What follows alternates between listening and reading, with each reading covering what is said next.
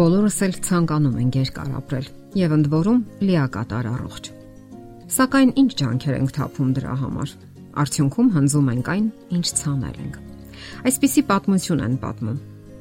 1843 թվականին ծնված անգլիացի Թոմաս Պերը ապրել է ամբողջ 152 տարի։ Դա նշանակում է, որ նա տեսել է, թե ինչպես են Անգլիայի գահ բարձրանում 10 թագավորներ, ներառյալ Ելիզավետա առաջին թագուհին։ Եվ ահա 1635 թվականին թագավոր Չարլզը իր պալատն է հրավիրում Թոմաս Պերին, որպիսի իմանա թե ինչպես է նա հասել այդ տարիքին։ Պերը պատասխանում է, որ ապրել է գյուղացու հասարակ, պարզակենցաղ կյանքով։ Սնվել է հիմնականում կարտոֆիլով, մրգերով եւ վարսակի շիլայով։ Եվ ահա հենց պալատում էլ տեղի է ունենում ողբերգությունը։ Ցավոք, ծերուկ Պերը սովոր չէր սնվել թակավորական սեղանից։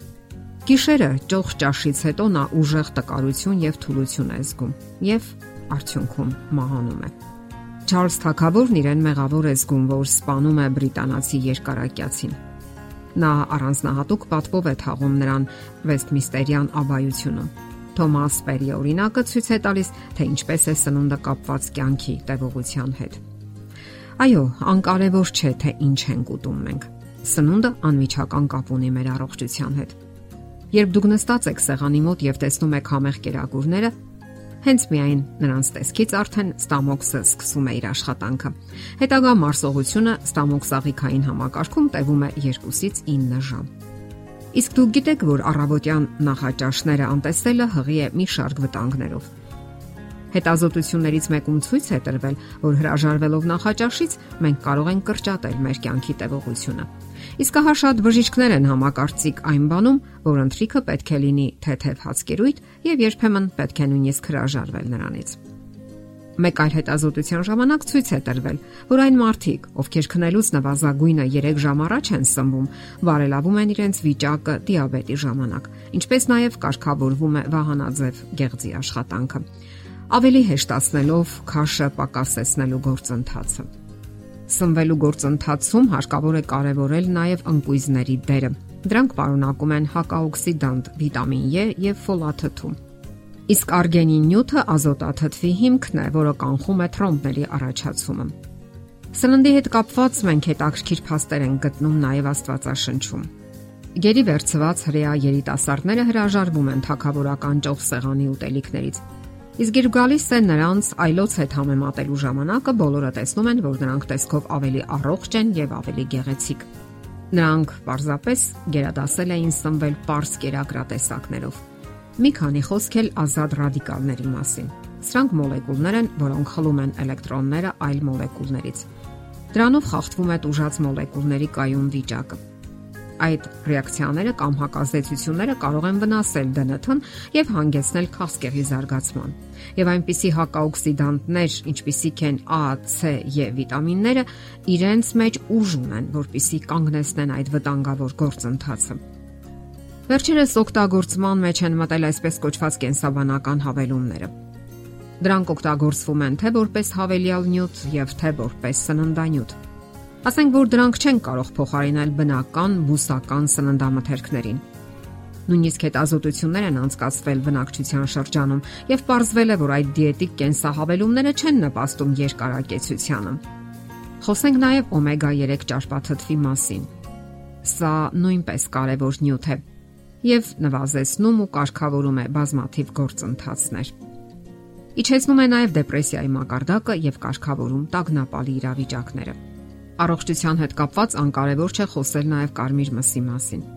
Կարմիր միսը պարունակում է երկրորդ տեսակի մկանաթելեր, որոնք միշտ կարիք ունեն մեծ քանակի թթվասնով հարստացված արյան։ Եվ այդ պատճառով էլ սննդաբանների մեծ մասը խորհուրդ է տալիս չօգտագործել կարմիր միս։ Իսկ օգտագործելու դեպքում համակցել մեծ քանակի կանաչեղենի հետ։ Կանաչեղենը չեզոքացնում է մսի վնասակար հատկությունները Հետազոտությունները ցույց են տալիս, որ կարմիր մսի օգտագործումը մեծացնում է սիրտանոթային հիվանդությունների եւ հաստ աղիքի քաղցկեղի զարգացման վտանգը։